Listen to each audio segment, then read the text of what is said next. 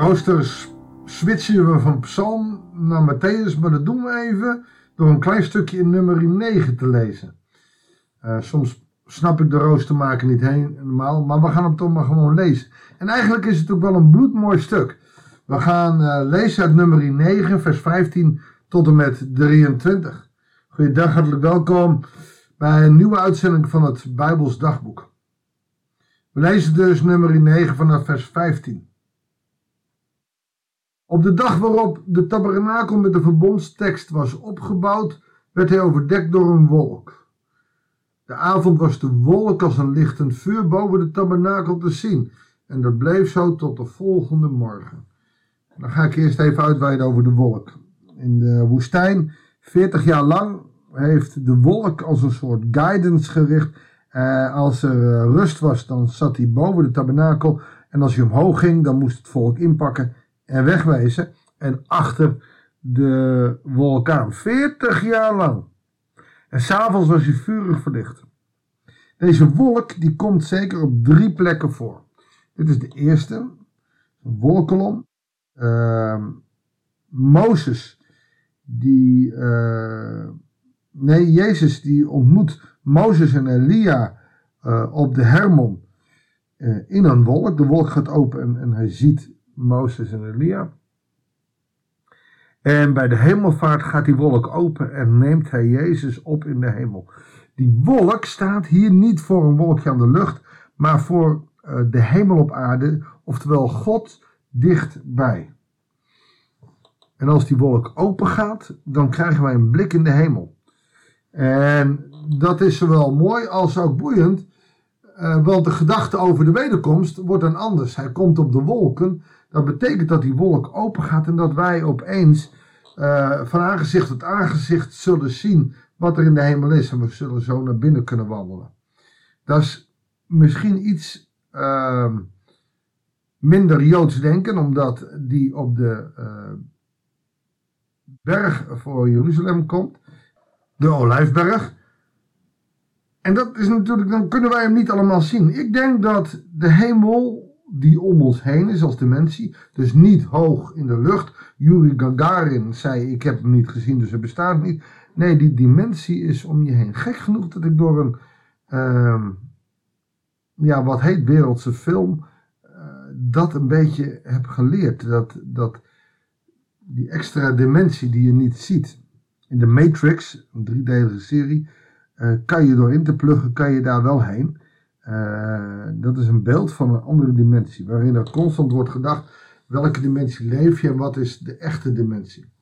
Nou, wij leven hier en nu.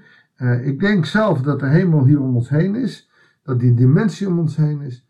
Uh, en of dat nou hier op de aarde is of, of van hier tot kilometers in de lucht, dat interesseert me niet. Maar die dimensie is om ons heen. Dat is als een wolk. Een wolk kan je niet pakken, want daar grijp je doorheen. Het is wollig, het is water. Maar in de Bijbel is het dus wel degelijk uh, een betekenis als opening voor de hemel. En die hemel gaat dus 40 jaar lang voor het volk uit. En daar gaat het stuk ook over. Zo was het voortdurend. De wolk overdekte de tabernakel en was s'nachts te zien als een vuur. Teven, telkens als de wolk zich van de tent verhief, trokken de Israëlieten verder.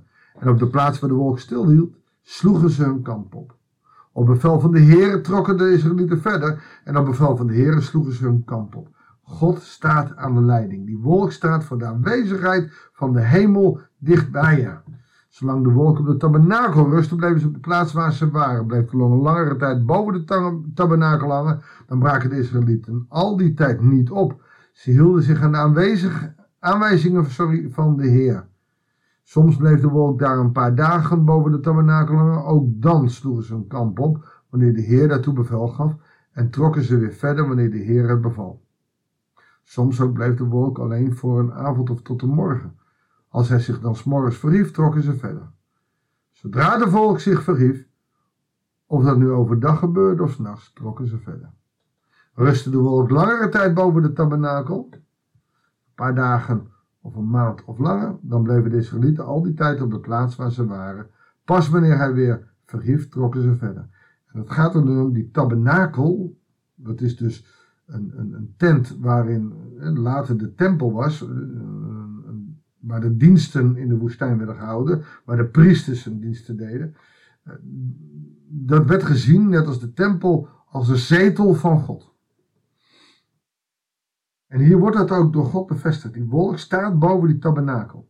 Of erboven, of hij verheft zich, maar pas als hij naar voren gaat, moet je hem volgen. Op bevel van de Heer sloegen ze hun kamp op. En op bevel van de Heer trokken ze verder. Die wolk staat voor de aanwezigheid van God. Ze hielden zich aan de aanwijzingen van de Heer, en de Heer hun bij monden van Mozes gegeven had. Wij hebben Mozes niet meer, maar wij hebben wel het woord van God. En wij moeten proberen ook ons aan het woord van God te houden. En dat is best moeilijk hoor, want er zijn best verschillende interpretaties van verschillende teksten. En toch is de Bijbel voor ons een soort wolkolom. Als hij zegt ga, moet je gaan. Als hij zegt blijf, moet je blijven. En ik denk als je serieus in de Bijbel leest, zoals ik ook poogde te doen met deze podcast, dat er altijd wel eens ergens iets tussen zit waarvan je zegt, hé, hey, dat is voor mij. Een buurman of een buurvrouw zou zeggen, nou hier kan ik niks mee en bij jou is het, dat is voor mij. Dat is roeping. Dat is leiding van de Heilige Geest. Gods Geest gebruikt jou, gebruikt het om jou op het rechte spoor te leiden. Wij hebben geen wolk meer. Voor ons geen wolk. Nee, we hebben het zelfs anders. Met Pinkster hebben we allemaal de Heilige Geest gekregen. Dat is God in ons. En dat is een hele andere koek. God in ons is een, uh, een gevoel van: hier ben ik. En God is in mij. Die wolk is in mij. En als ik daarvan uitga, zal ik groeien tot een volwassen gelovige. Dat is het doel. Soms ga je door een woestijntijd heen. Een periode dat het moeilijk is. Weet je wat dan gebeurt? Vaak duwen we de wolk boven ons hart, wat de tempel is van de Heilige Geest, weg. En we gaan zelf al aan het werk. We zijn niet meer bereid om op God te wachten of afhankelijk te zijn van Hem. Ik denk dat wij veel meer in de kracht van de Heilige Geest moeten leven. Op zulke momenten juist ook openheid geeft en zegt waar het op, gaat, op, op staat en waar het om gaat. En als we de Bijbel lezen, zullen we de woorden vinden die soms bevestigen wat we nodig hebben.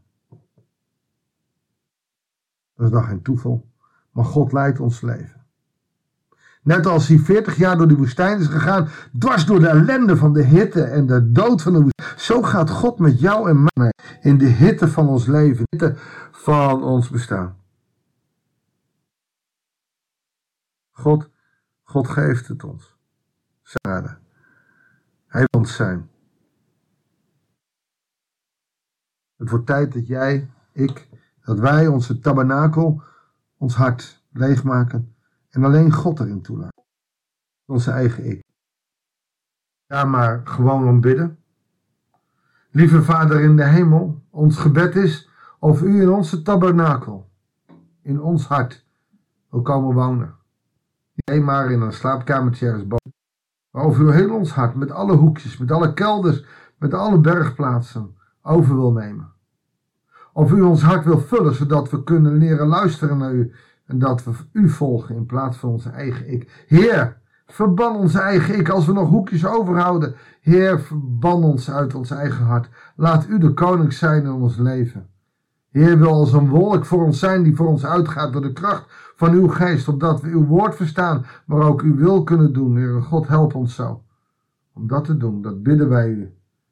In Jezus' naam. Amen. Dankjewel voor het luisteren.